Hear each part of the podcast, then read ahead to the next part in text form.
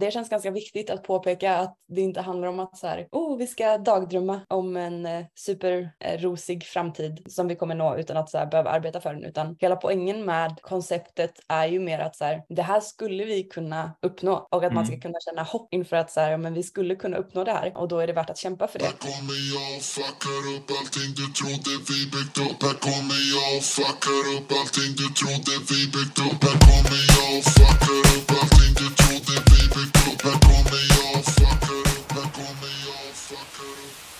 Hej och välkomna till podcasten Om och Men där vi reder ut det ni tycker är krångligt och krånglar till det ni eh, trodde var utrett med mig, Vincent Flink Amlenäs. Och med mig, Beatrice Erkers. Ja, äntligen dags att podda igen. Du eh, Bea, vad har hänt sen sist? Eh, jag försöker uppbåda lite energi som inte är riktigt äkta. Uh, vad har hänt sen sist? Jag var, vi var på en fest igår och jag är trött.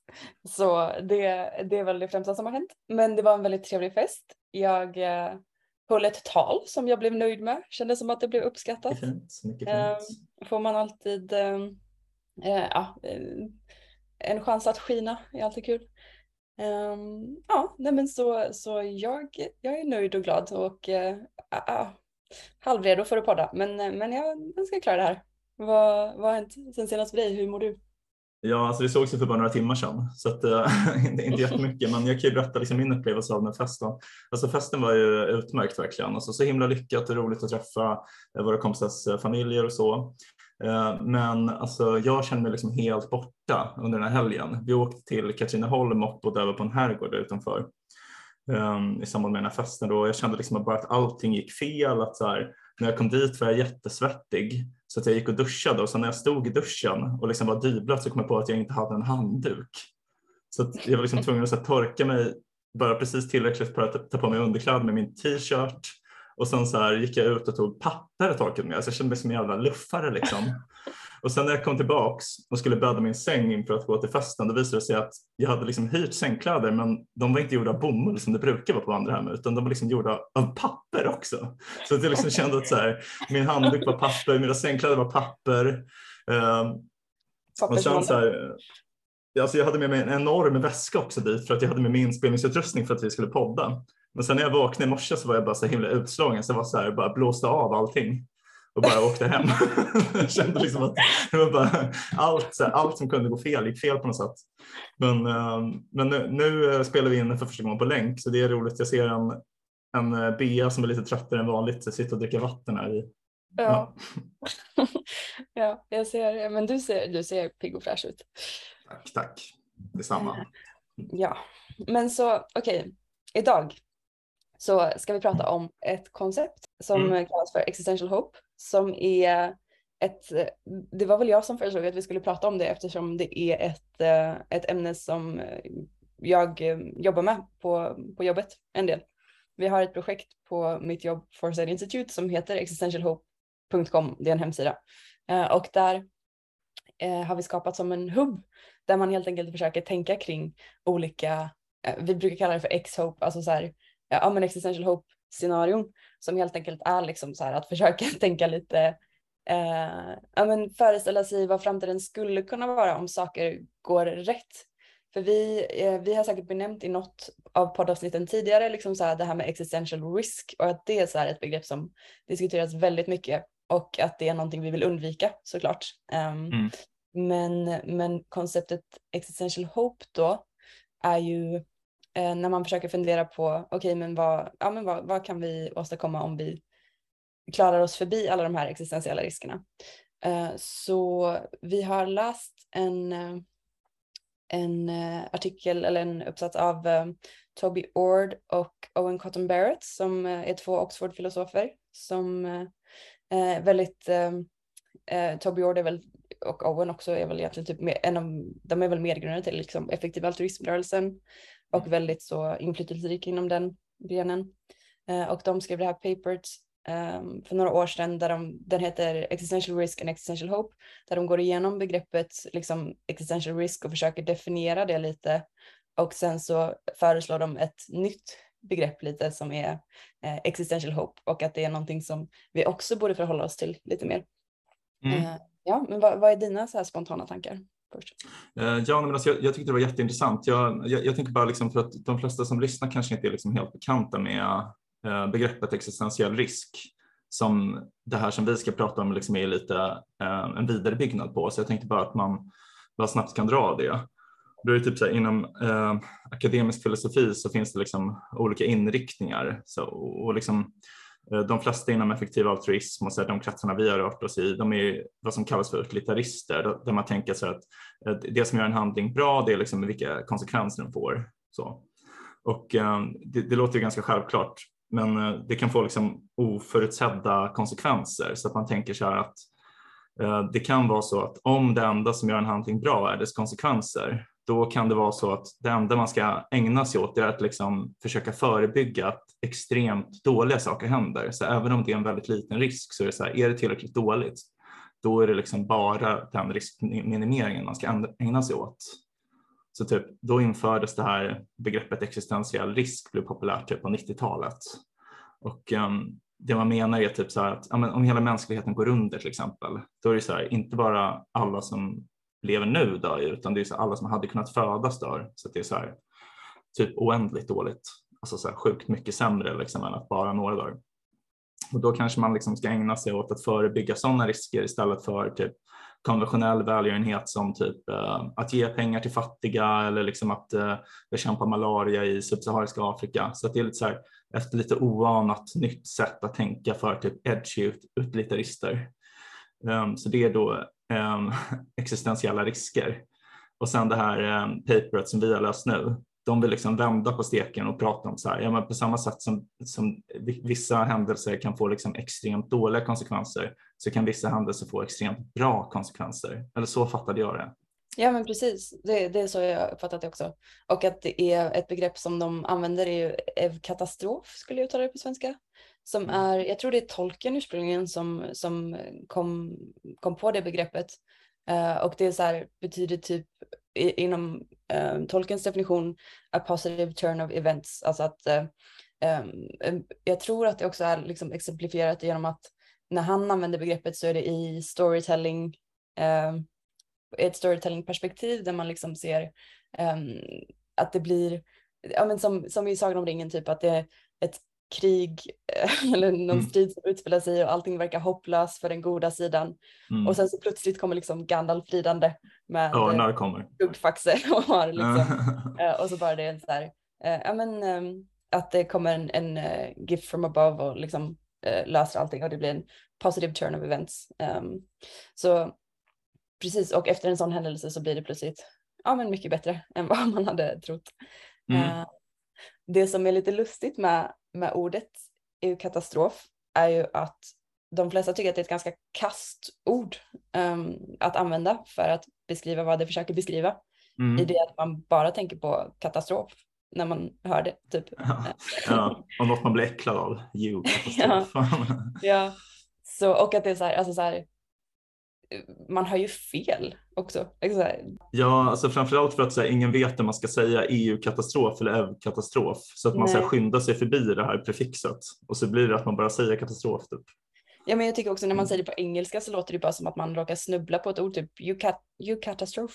Alltså så här, det, ja. det, som att man säger katastrof. Ja. Men, uh, men det är, uh, ja, det är lite kul. Men så Eh, för att då spinna vidare på, det var väldigt bra förklarat uh, av eh, begreppen där existential risk och sådär. Men för att spinna vidare på, på till exempel vad det är vi pysslar med på mitt jobb i förhållande till liksom existential hope så, så är det att vi har den här plattformen som jag nämnde som ska finnas till för att liksom börja fundera på vilka möjliga positiva framtidsscenarier vi skulle kunna vänta oss uh, eller skulle kunna åstadkomma eh, om vi liksom lyckas navigera förbi alla existentiella risker.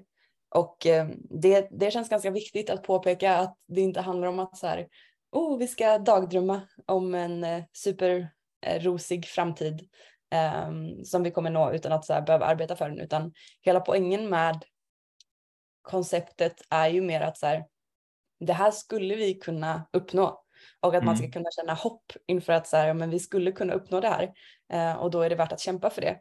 Och då, ja men då, då är det värt att vi försöker liksom medan om vi skulle bara eh, tänka på ja, men doom and gloom eh, som vi har pratat om också med att det är många som tänker eh, att vi är dumta eh, att Ja. liksom, grund av AI nu inom de nästa tio åren typ då, då orkar man ju inte försöka heller. Det var Det är ganska Och- nedslående tanke liksom att man bara har tio år kvar att leva. det är superdeppigt. Alltså, det är inte så att man börjar planera för pensionen liksom. Nej, verkligen. Inte empowering alls. Nej. Eh, så det är väl liksom, ja men tanken är att det ska vara empowering som, som du säger. Och eh, jag, jag på den här eh, konferensen som vi, jag tror vi pratade om för något avsnitt sen som hette Future Forum eh, där det var många olika aktörer från liksom framtidsorganisationer eh, som möttes och Mm. ja, men Det var, inte om. den, eh, det var inte den som en 20-åring hade anordnat som Jo, Det var den. var tvungna att utrymma lokalen. Och, ja, okej, okej. Mm. Det var den. Eh, Men där träffade jag i alla fall en psykologiprofessor som forskar på hopp. Det var väldigt kul att prata med honom för han har gjort undersökningar då på vad som ger eh, människor hopp eller varför det är viktigt med hopp.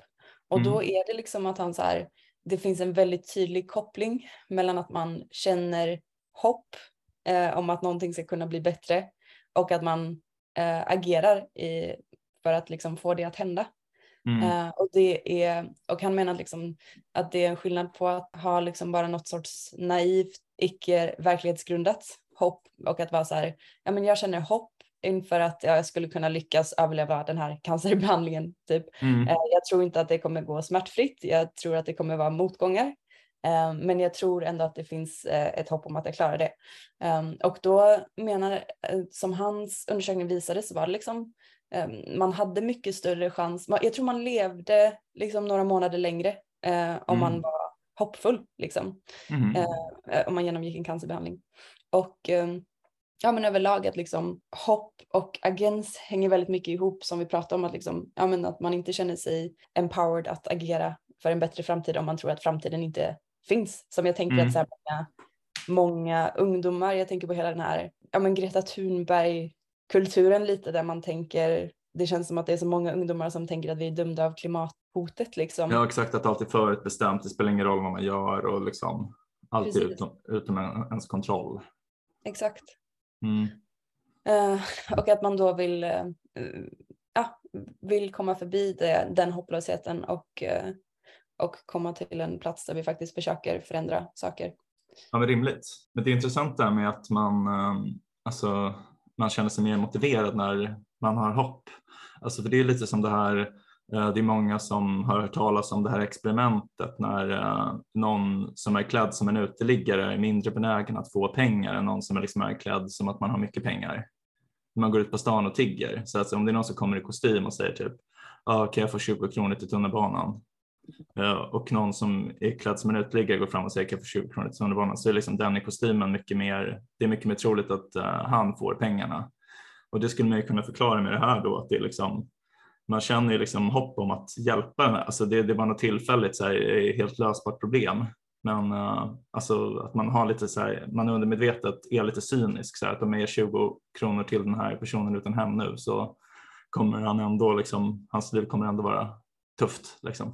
Och, och just det här med att det leder till eh, att ha hopp om någonting leder till handling. Det, det är ju inte bara så att hopp är det enda som leder till handling. Jag tänker att eh, hopplöshet också kan leda till handling, men ofta då antingen ja, att välja att inte agera på någonting är ju också en sorts, ett sorts sätt att agera på. Och sen Mm. också att man kanske bara tar väldigt irrationella och destruktiva beslut om man känner sig hopplös. Eh, Verkligen. Det vi gör mer med den här plattformen då, och det är inte meningen att göra reklam för den, ni behöver inte gå in och kolla på den, men, men det är väldigt kul för vi har eh, en, en liksom podcastserie som eh, vi kallar för Existential Podcast och vi intervjuar spännande, eh, ofta liksom vetenskapspersoner framför allt. Det var den jag intervjuade Robin Hansen för nyligen. Ehm, och ehm, ja, men vi har intervjuat ja, men folk jag tycker är väldigt spännande, typ Cara Marletto som är en fysiker vid Oxford som har massa intressanta eh, teorier om eh, constructor theory, men det kan jag inte förklara.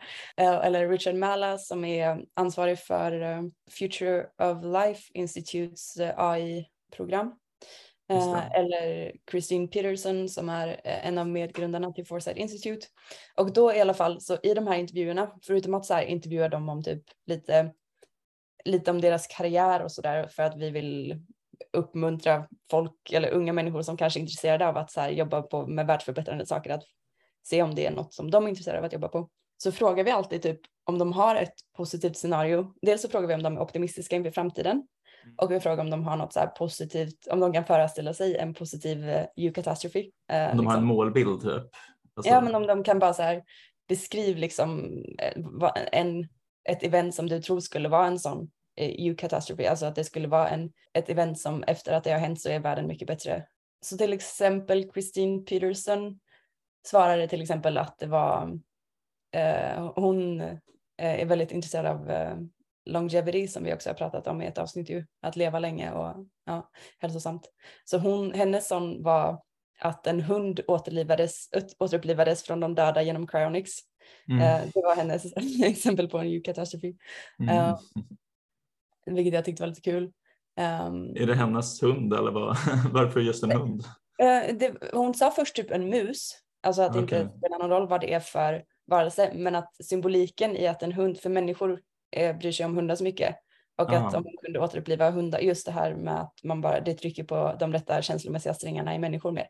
Att Ah, ja, människor ja, om, en, om en hund återupplivas.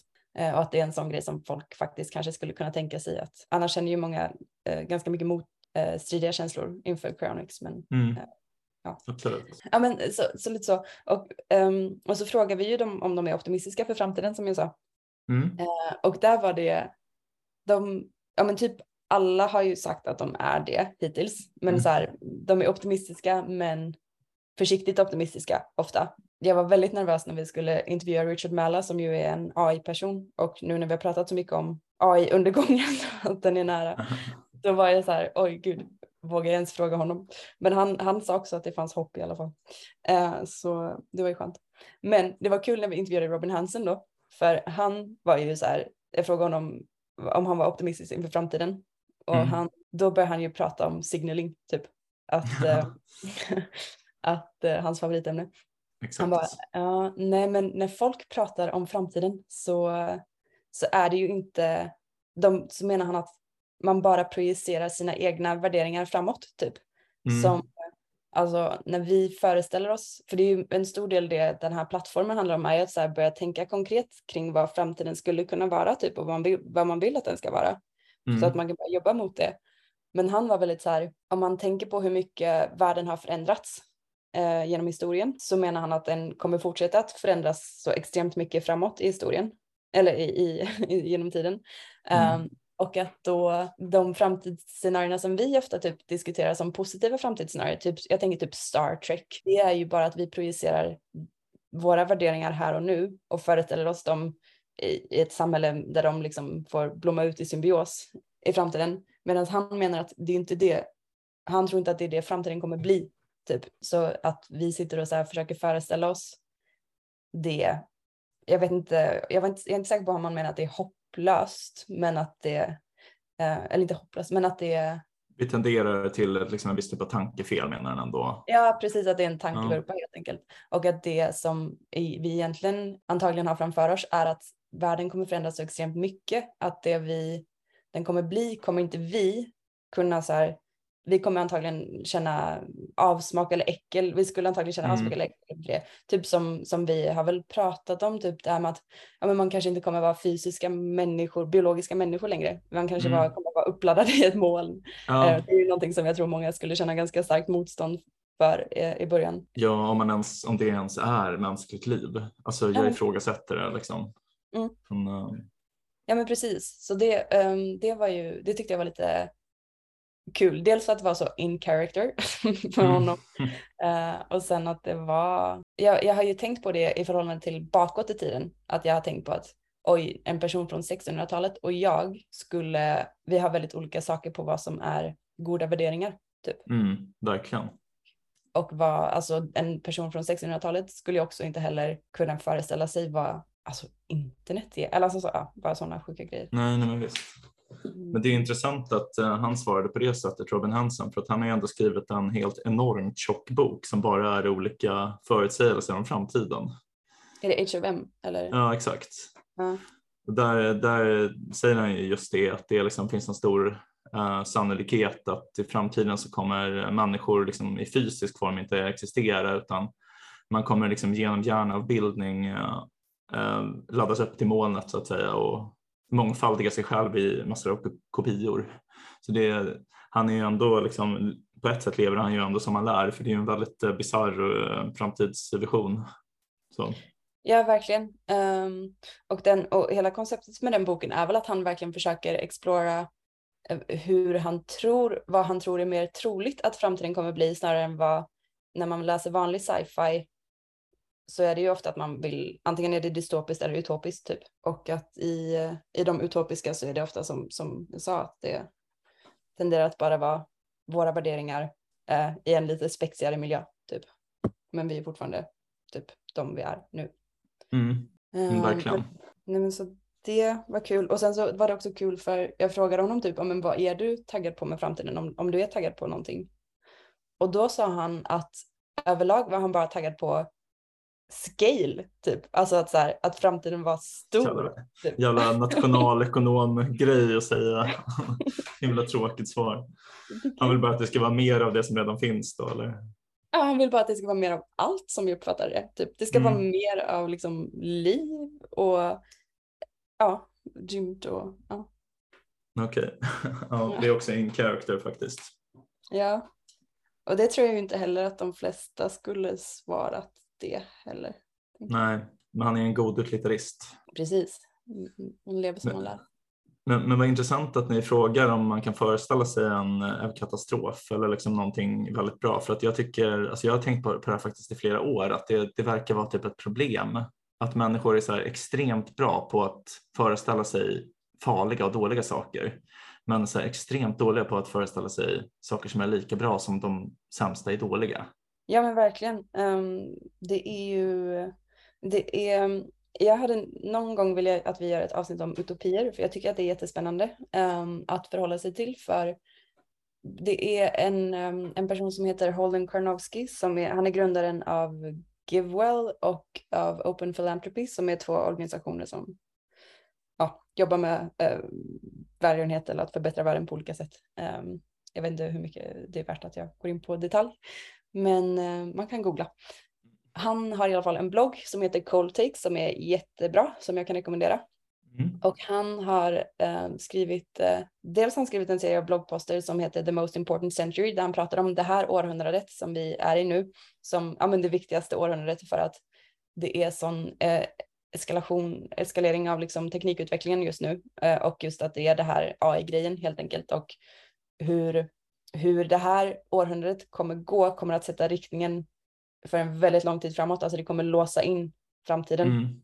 väldigt mycket eh, och det kommer vara en, en, ja, en inlåsning som kommer vara väldigt svår att, eh, att kunna bryta sig loss från som det ofta är liksom om man har eh, lyckats få ett system eller en institution så är det så himla svårt att ersätta det med något annat. Eh, mm.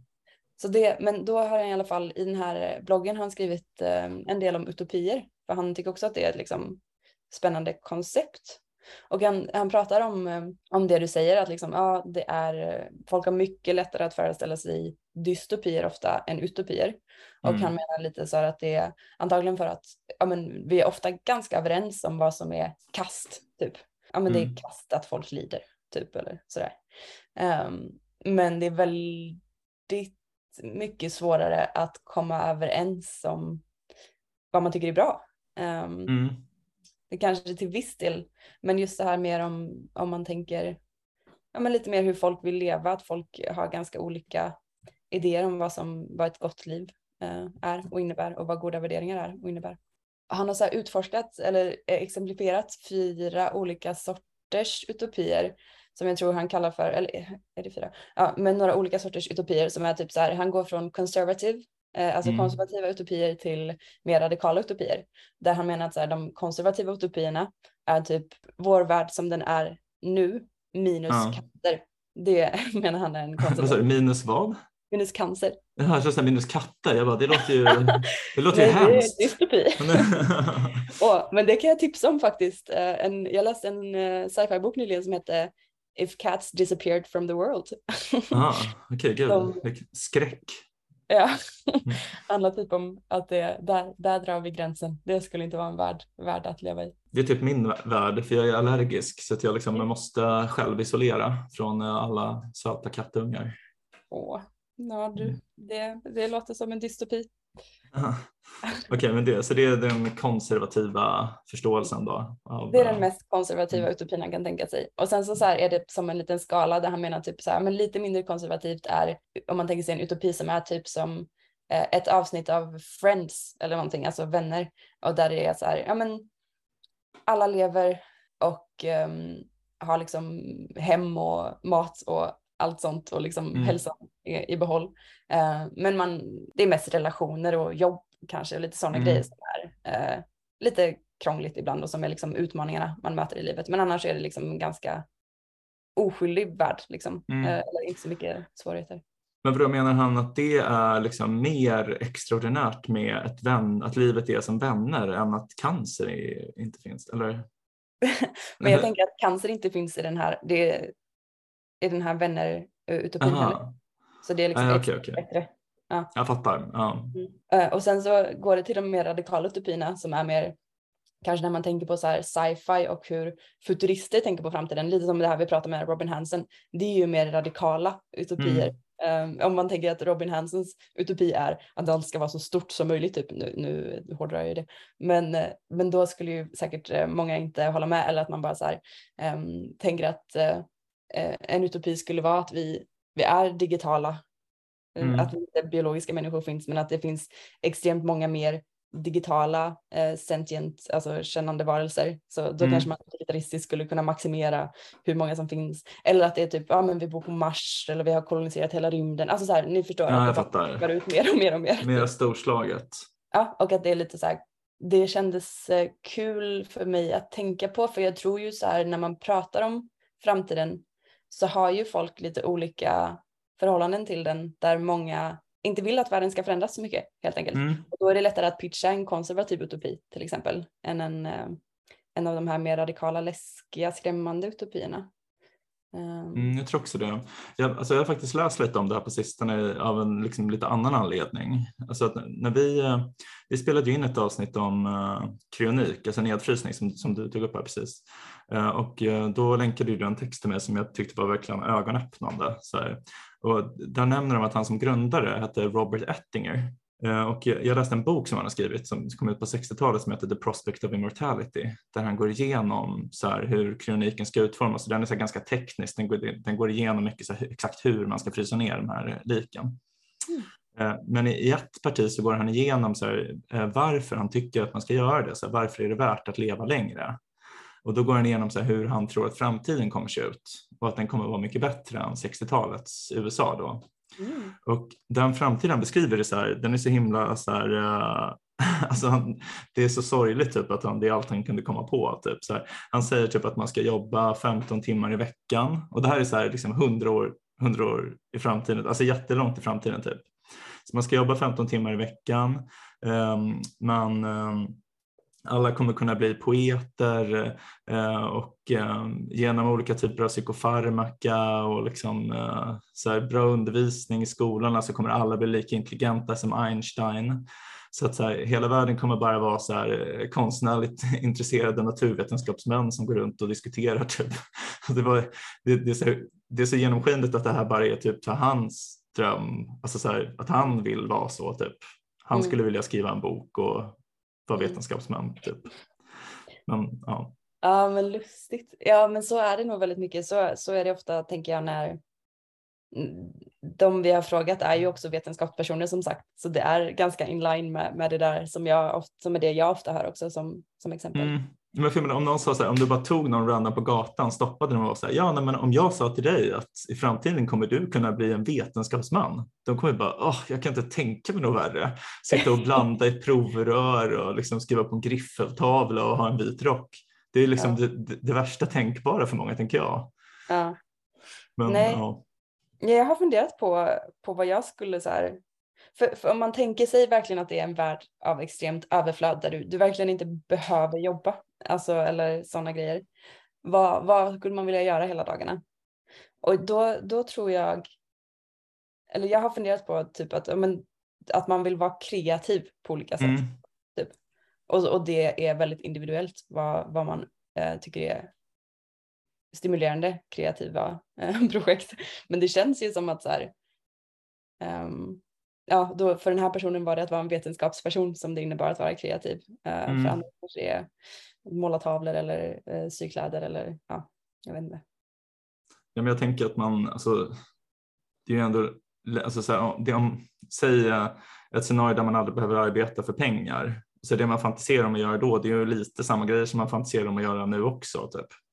Alltså, så här, saker som ger en hög status, typ skriva en eh, um, bestsellerroman eller liksom uh, bli en eh, framstående musiker eller whatever, alltså så här, drömmar som folk har, eller liksom hästproffs som du snackade om i något avsnitt att du tänkte på när du var yngre kanske. Mm.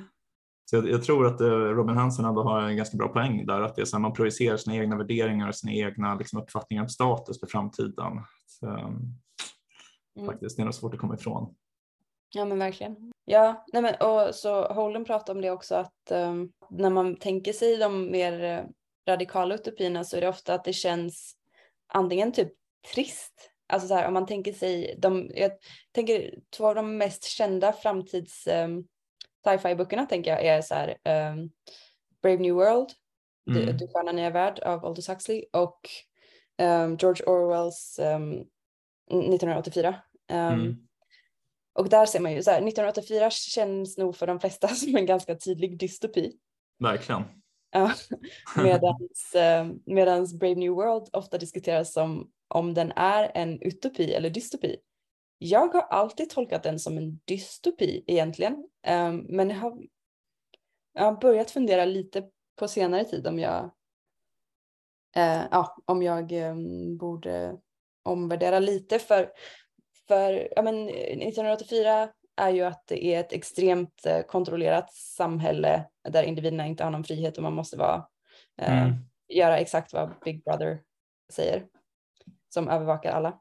Mm. Ehm, och i Du sköna nya värld så är ju ehm, världen som de lever i att alla går omkring och är typ, eh, de tar en drog som heter Soma, så alla är liksom lyckliga ehm, Mm. hela tiden av den här drogen. Ehm, men, och, då, ja, och det är ju så här frågan då, är det en utopi då? Att alla är lyckliga för att de tar en drog? För I så fall skulle vi ju kunna kanske eventuellt nå dit ganska Mm. snart egentligen. Ja, precis. Nej, men det är ett vanligt uh, tankeexperiment genom filosofin.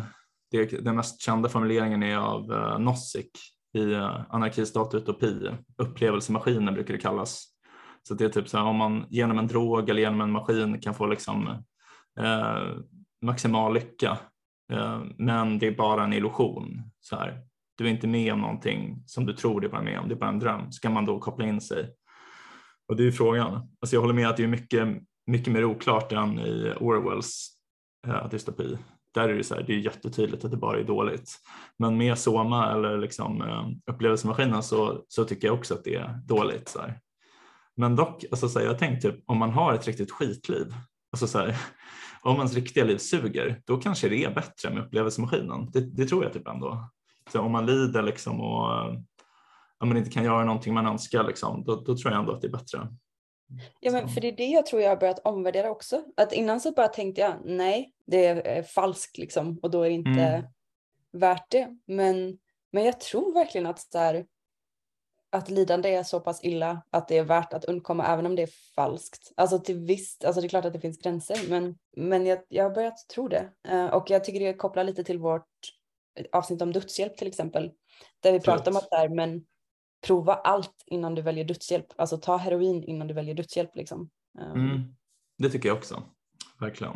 Men eh, har du några så här, om du försöker tänka dig, vad, har du något, någon potentiell katastrof eller positivt framtidsscenario som du känner dig så här taggad på? Ja, alltså jag vet inte riktigt. Ehm, jag tänker nog framförallt att det är att, alltså, nu är jag lika tråkig som Robin Hansson, men jag tänker nog framför, framför allt att det är scale också. Alltså, jag tror inte att människor kan bli så mycket lyckligare än vad folk i allmänhet är. Så, så jag tror liksom att det, det är där man kan göra som störst skillnad i hur liksom bra världen är, hur mycket lycka det finns i universum och så här, hur mycket bra saker det finns i allmänhet. Det är bara att bli fler människor. Mhm. Ja, så liksom, eh, alltså något som skulle möjliggöra det är till exempel att man utvecklar teknologi för att kolonisera andra planeter, liksom bättre rymdfärd, ja, sådana saker Det skulle väl vara någon typ av eh, katastrof. Kul. Det är ju Mm. eh, på, på den här hemsidan då som vi har så, har, så är det liksom Materialet som är där är att vi har liksom gått igenom olika områden som vi menar um, kan hjälpa oss att skapa den här mm, en bättre framtid. Och då är det så här, ja men dels är det bara en introduktion till liksom vad är existentiell risk och vad är existentiellt hopp. Uh, och sen så lite vad vi har för verktyg till hands för att liksom kunna eh, förhålla oss till de här eh, utmaningarna och koncepten som till exempel eh, externa eh, verktyg som institutioner, alltså hur vi utformar våra institutioner eller vad vi har för filosof, filosofi typ eller Mm. rörelse. Alltså så. Och sen så de interna verktygen som är liksom mer our, our, vårt, um, vår hjärna, alltså our mind, Mm. vad man ska säga. Ett tankesätt liksom. Ja, precis. Mm. Och, och typ eh, hur, typ rationalism som ett sånt verktyg. eh, Mm, just det. eh, som vi har. Vi har ju pratat eh, med delat omdöme om rationalism, men men det är onekligen ett, ett, ett användbart eh, sätt att tänka också. Liksom. Det finns jättemycket bra att säga men de har liksom på något sätt råkat bli slagpåse för oss i podden här. Jag vet inte riktigt Ja. hur det blev så. Vi har väl båda dåliga erfarenheter, blivit ägda av rationalister på fester eller något. Vi har väl blivit lurade av dem. Eh, ja, nej, men vi får göra ett positivt avsnitt om, om dem. Jag, eh, Steven Pinker har ju nyligen skrivit en bok om rationalism som jag tänker vi får läsa och så får vi eh, försöka prata om det positivt. Åh nej, är det den här som är 14 000 miljarder sidor? Det vill Säkert. säga alla hans böcker? Yes. Rationality now, heter inte något sånt? Eller, eller? Jag vet bara vad den heter på svenska och då heter den typ rationalitet. Ja, okej. Ja, det är säkert den. Jo, men eh, jag ska bara återgå till vad jag snackade om. Med. Mm. Du sa liksom att ja, men typ eh, skala och att så här, eh, nå ut i rymden och sådana grejer då. Och Mm. då det vi har listat liksom och försökt eh, fundera över är vilka tekniker som kan, teknologier som kan hjälpa oss att Mm. liksom, ta oss förbi de här existentiella riskerna och att nå det här hoppfulla scenariot. Och då är det liksom tekniker som bioteknik och nanoteknik och neuroteknik, in, intelligens, alltså artificiell intelligens och rymdteknik, kosmologi, eh, datateknik, ehm, Mm, biosfär och energiteknik. Eh, teknik. och då är det så här, för varje sånt här teknologiområde så har vi listat så här, okej, okay, ett intro till det här området. Vad, vad är det här området? Typ intelligens, vad, vad är artificiell intelligens? Vad är artificiell generell intelligens? Sådana grejer.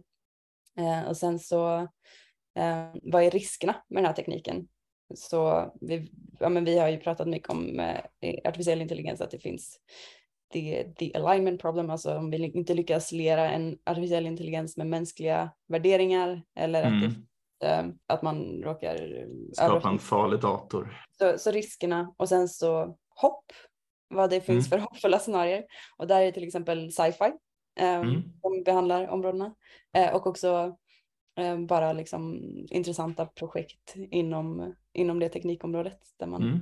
jobbar på att utveckla det. Och sen så det sista är liksom action och det är att vi så här, har listat typ organisationer eller aktörer som på olika sätt jobbar med det här området och olika projekt så att man om man så här, känner sig manad kan dyka, dyka in och Mm. börja jobba inom det också. Bli en del av verksamheten på något sätt.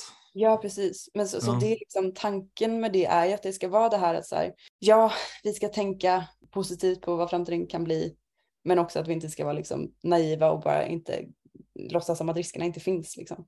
Mm. Nej men det låter väl perfekt. Alltså jag tror verkligen att man, eh, man behöver lite hjälp med att tänka på liksom hur bra det ändå kan bli och så här. nya sätt att liksom rama in det på något sätt. Um, Mm. Alltså jag, kommer, ihåg, eh, alltså typ, jag, jag tänkte jättemycket på de här frågorna för några år sedan, alltså typ när jag började plugga för att då läste jag litteraturvetenskap och då, då skrev jag en, eh, en uppsats, en kandidatuppsats om, um, om Dante, om den gudomliga komedin. Som handlar om då um, ja, men en snubbe i Florens som typ, uh, han går ner i um, helvetet och sen går han genom skärselden upp till paradiset. Och eh, det är liksom så här, alla som har läst den typ håller med mig om att det är Inferno, alltså den delen som har med helvetet att göra som är bäst. Så här. För att han är liksom han är jättebra på att föreställa sig så här sjukt gory och obehagliga grejer som händer där. Typ folk blir flodda levande, de liksom, eh, vandrar barfota över glödhet sand och det regnar eld från himlen. Och liksom, ja, du kan tänka dig. Och sen när han kommer upp till paradiset så är det så här, ja men okej, så vad har du nu då Dante som är lika bra som det dåliga var i helvetet? Och då är det typ bara så här att han träffar munkar, eh, han träffar helgon, så det är bara så att han träffar coola personer typ. Så man, är, man blir typ lite besviken. Så här, var det här allt som väntade oss i paradiset? Så att jag tror verkligen så här, typ att det här med att man har svårt att föreställa sig en, en riktigt bra framtid, det är nog inget nytt. Det är nog bara så här, människor är typ wired så. Och sen är väl frågan typ om det betyder att det inte då finns någonting som är så mycket bättre än det som bara är ett vanligt liv, vilket jag typ kanske lutar åt. Eller om det bara är att så man är dålig på att föreställa sig det. Mm, ja, verkligen. Men, men det är, jag hade gärna velat höra lite mer. Är det så här någon sorts, um, varför tror du att vi inte kan vara lyckligare än så här? Eller vad? Um, ja, um, alltså anledningen är bara typ att de lyckligaste stunderna i mitt liv, um, de har liksom inte skilt sig så mycket från bara mitt vanliga tillstånd typ. Men de, de liksom gångerna jag har mått som absolut sämst har liksom skilt sig extremt mycket. Så det har varit jättemycket värre än baseline. Alltså det här är bara typ min egen upplevelse, det kanske är olika så här, men uh, mm. jag känner typ inte så här om, om jag, ja. ja. det är bara väldigt ovanligt för mig typ att jag mår jättemycket bättre flera gånger bättre än vad jag brukar göra. Men jag, ibland så mår man ju flera gånger sämre än vad man brukar. Ja, jag håller med dig faktiskt. Um, och det, det, är ju som du säger så vi är wired, tänker jag, evolutionärt. Liksom, att uh, man behöver, behöver se till att ta hand om sig själv och tänka på risker och farligheter hela tiden eh, så att man överlever. Ja, alltså det kan också vara, jag menar jag, jag arbetar till vardags med beroendepatienter, så jag menar, där lär man sig också att det kan ju också vara en stor fara för en människa att uppleva allt för stor lycka. Alltså, att det, de glömmer ju aldrig bort det ruset. Så om, man, om man börjar ta heroin så, så då, då framstår ju ens vanliga liv som, som dåligt. Så, um, Ja. Så det, är liksom, det finns ju faror också med, men det är klart om man kan upprätthålla det under längre tid så där, då är det väl inga problem kanske. Men, ja. Ja. ja, intressant. Det är en svår fråga på något sätt, det här med lycka. Verkligen, verkligen. Mm. Men har du någon tanke om, alltså, har du någon så här tanke om en katastrof eller hur det skulle kunna bli mycket bättre? Jag, ehm, jag har väl lite det jag sa, att det blir, när jag tänker mig en positiv framtid så tänker jag mig att det är en framtid där alla får vara typ kreativa och inte att, folk, att alla slipper lida bara typ. Eh, mm. Så att vi tar bort lidandet och ger folk möjligheter att vara kreativa så hoppas jag att eh, ja, det, det är det jag eh, ser framför mig. Det var när vi intervjuade Cara Marletto i den här podcasten så sa hon, det var hennes här, eh, förslag på en katastrof, var liksom en framtid där ingen behöver um, hållas tillbaka av att liksom det man behöver tänka på är att få mat eller husrum och sånt. Alltså allt sånt är covered för alla och folk mm. behöver bidra på det sättet. Sen så har jag funderat på det för nu när jag har varit i USA, vi har pratat om att jag tycker jag ser så många zombiehemlösa människor där till exempel. Och de... Just det, jag har, jag har en grej att berätta om det sen, men förlåt, säg du först så ska jag säga sen. Uh, Okej, okay. uh, men uh, Jo men så då um, när jag, jag, det var att jag spenderade en längre tid i, i där eh, tidigare i år och eh, blev ganska chockad som sagt över hur jag tyckte det var eh, illa liksom. Mm. Jag, det, och det var liksom massa grejer jag var med om som bara, gud vilken otrygg plats det här är. Um, det typ jag råkade det var, jag, det var en drive-by där jag gick på en helt vanlig gata mitt på dagen. Oj, vadå, um, så du stod bredvid eller? Jag skulle gå och käka lunch med mina kompisar och så eh, och det var på, alltså precis bredvid huset där vi bor som är så ett fint område i San Francisco. Och så skulle vi gå äh, och käka lunch och ähm, så ähm, det var liksom en måndag typ, en tisdag. klockan 12 och så gick vi ner för gatan och skulle gå till ett café i närheten och så bara vi hörde hur det började smälla typ och så Gud, så helt sjukt. jag, jag tänkte så här oj det är någon som har fått punka typ eller så här det här när bildäcken smäller men så bara fortsatte det att smälla jag bara men gud det är många bildäck nu Ehm, Mm. och, så, och då så såg jag liksom en snubbe som körde förbi med pistol liksom och sköt på några andra som stod i ett hörn. Eh, och det var liksom ganska chockerande ändå. Det sjukaste jag hört.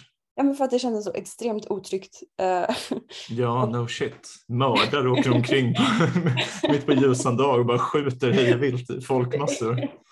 ja men så, så det och i kombination med att det är så extremt mycket hemlösa som liksom bor i ett tält på gatan eller om de ens har ett tält liksom. Eh, De bor i en kartong. Eh, och, och som sagt är helt neddrogade. Och då när jag kom tillbaka till Sverige och gick omkring i Stockholm efter det så kändes det som att men gud det här är ju en utopi som jag går omkring i nu typ.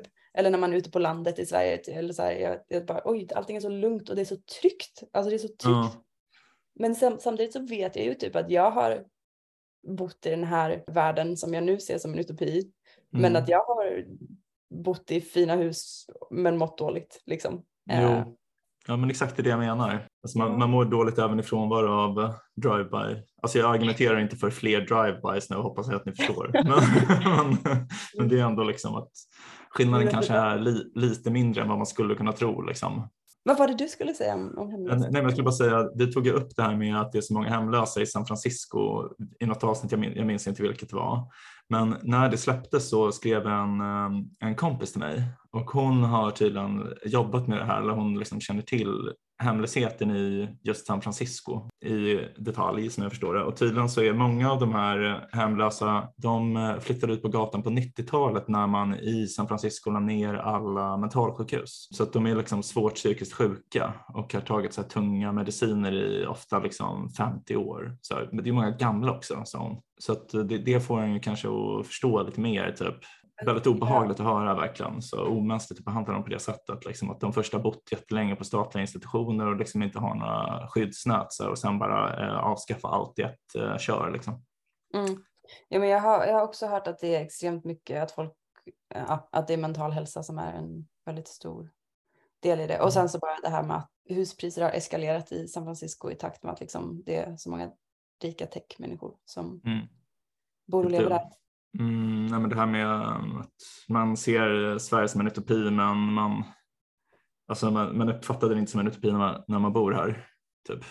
Nej, man undrar ju då vad som, om det skulle hjälpa att bara så här skicka ut alla till ett skitställe typ några månader. Uh, och om man kommer tillbaka så lyckligare då. Eller eh, om man, antagligen kommer man ju bara gå tillbaka till baseline igen. Ja, alltså det, jag har eh, en eh, filosof som jag tycker väldigt mycket om som heter Seneca. Han var eh, stoiker och han, han hade en sån här grej att det var typ, jag minns inte exakt hur ofta det var, men det var typ så en dag eller två dagar i månaden så skulle han leva som en hund. Så, här. Mm. Så han, han sov på golvet och så här typ. Men han var också så här, han var liksom en sån här, en så här eh, bon vivant eller vad man ska säga. Alltså en eh, vivör. Han tyckte mycket om att dricka och liksom ha ett härligt lyxigt liv. Så att med tiden så blev det här hundlivet tillyxat. så så här, han, blev, han började liksom äh, skarva lite på det och var så här, ja, men jag kan ha en liten madrass, hundmadrass. Vissa hundar har ju madrasser trots allt.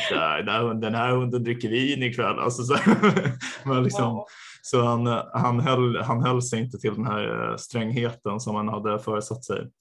Um, länge. Ja. Jag tycker det är ganska roligt. Jätteroligt. Jag vet att Mm. jag, när jag var, jag var tvungen att sova på en yogamatta typ en månad. Då tänkte jag, men det här är bra eh, träning. det här är Ja. bra stoicism. Men, men du kanske bara ska förklara lite för folk som inte vet vad stoicism är? Eller?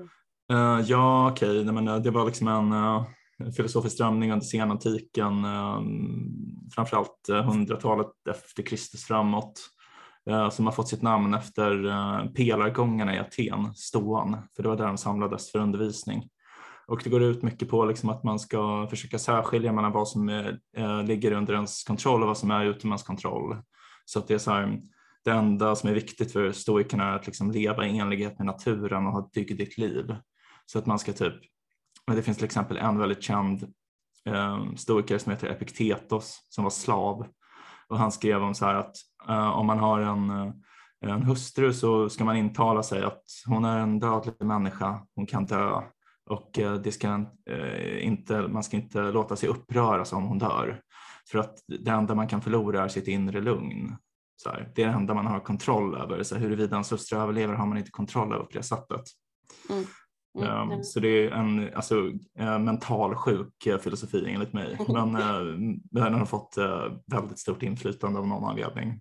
Så. Den har blivit jättepoppis inom uh, techmänniskor de senaste så här, tio åren i alla fall. Mm. Att, man, att alla läser meditations av Marcus Aurelius typ. Ja, ja just, eller... det är också jävligt roligt så här, för att det är typ Marcus Aurelius var en kejsare han var kejsare över det romerska imperiet och han har skrivit en, en bok som heter Meditationer eller betraktelser eh, där, som är liksom stoiska eh, aforismer typ eller som små sentenser eh, inspirerade av stoisk filosofi.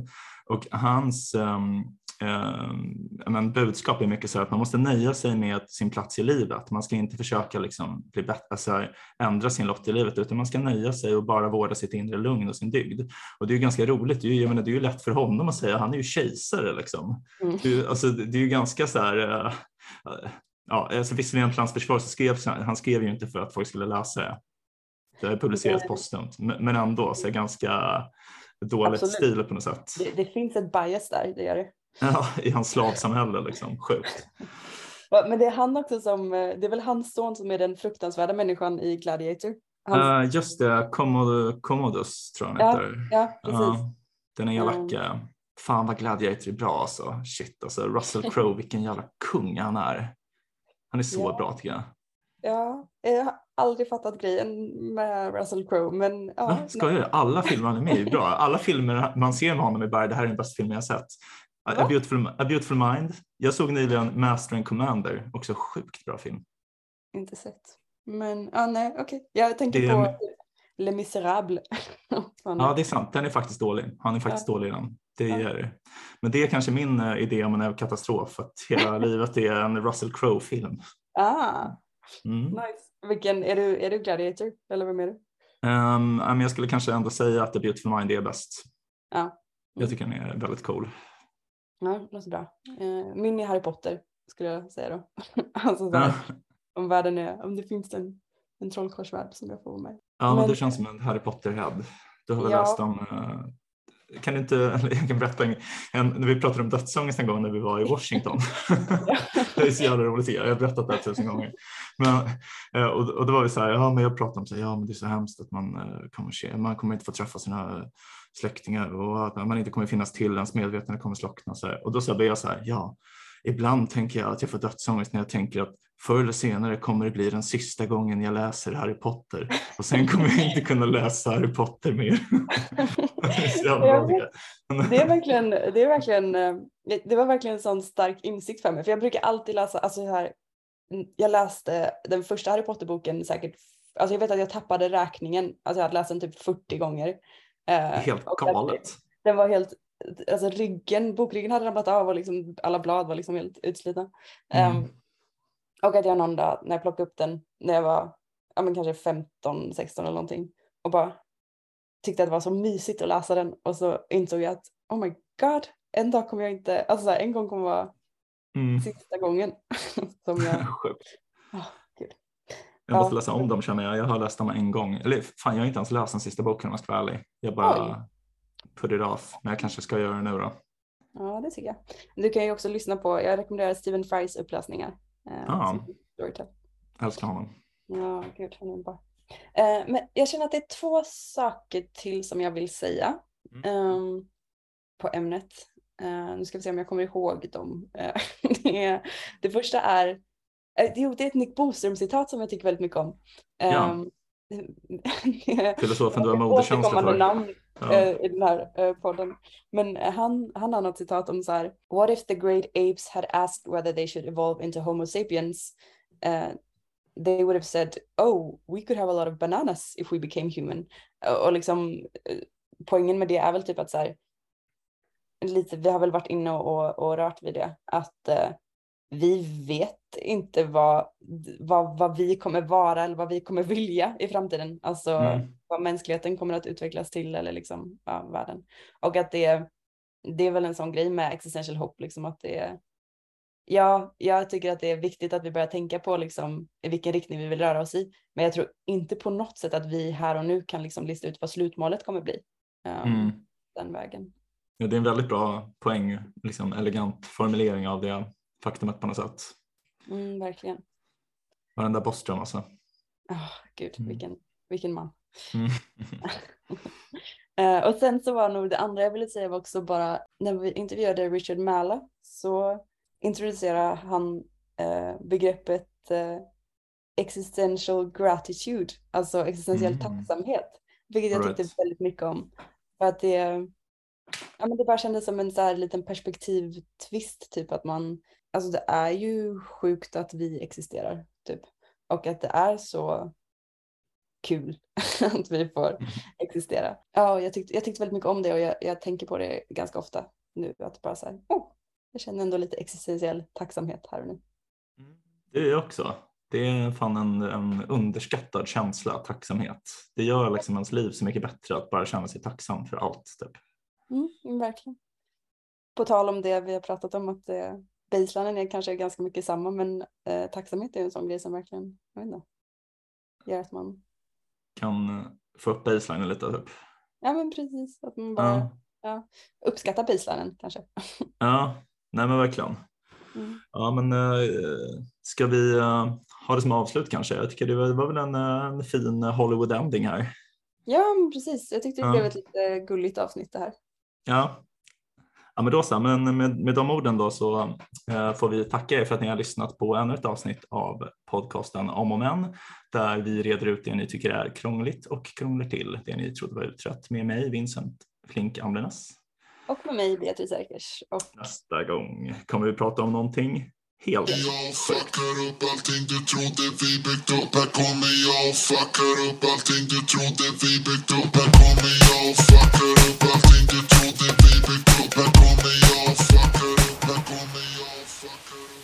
Du har lyssnat på ett avsnitt av podcasten Om och Men med Beatrice Erkers och med mig, Vincent Flink Amblenäs. Vi har en mejladress, omochmän.gmail.com om och men gmail.com. Hör gärna av er om ni har några förslag på ämnen vi kan ta upp i podden eller om ni undrar något. Vi kommer att svara på alla mejl. Tack för att du har lyssnat. Vi hoppas att du vill lyssna även på nästa avsnitt som kommer på måndag.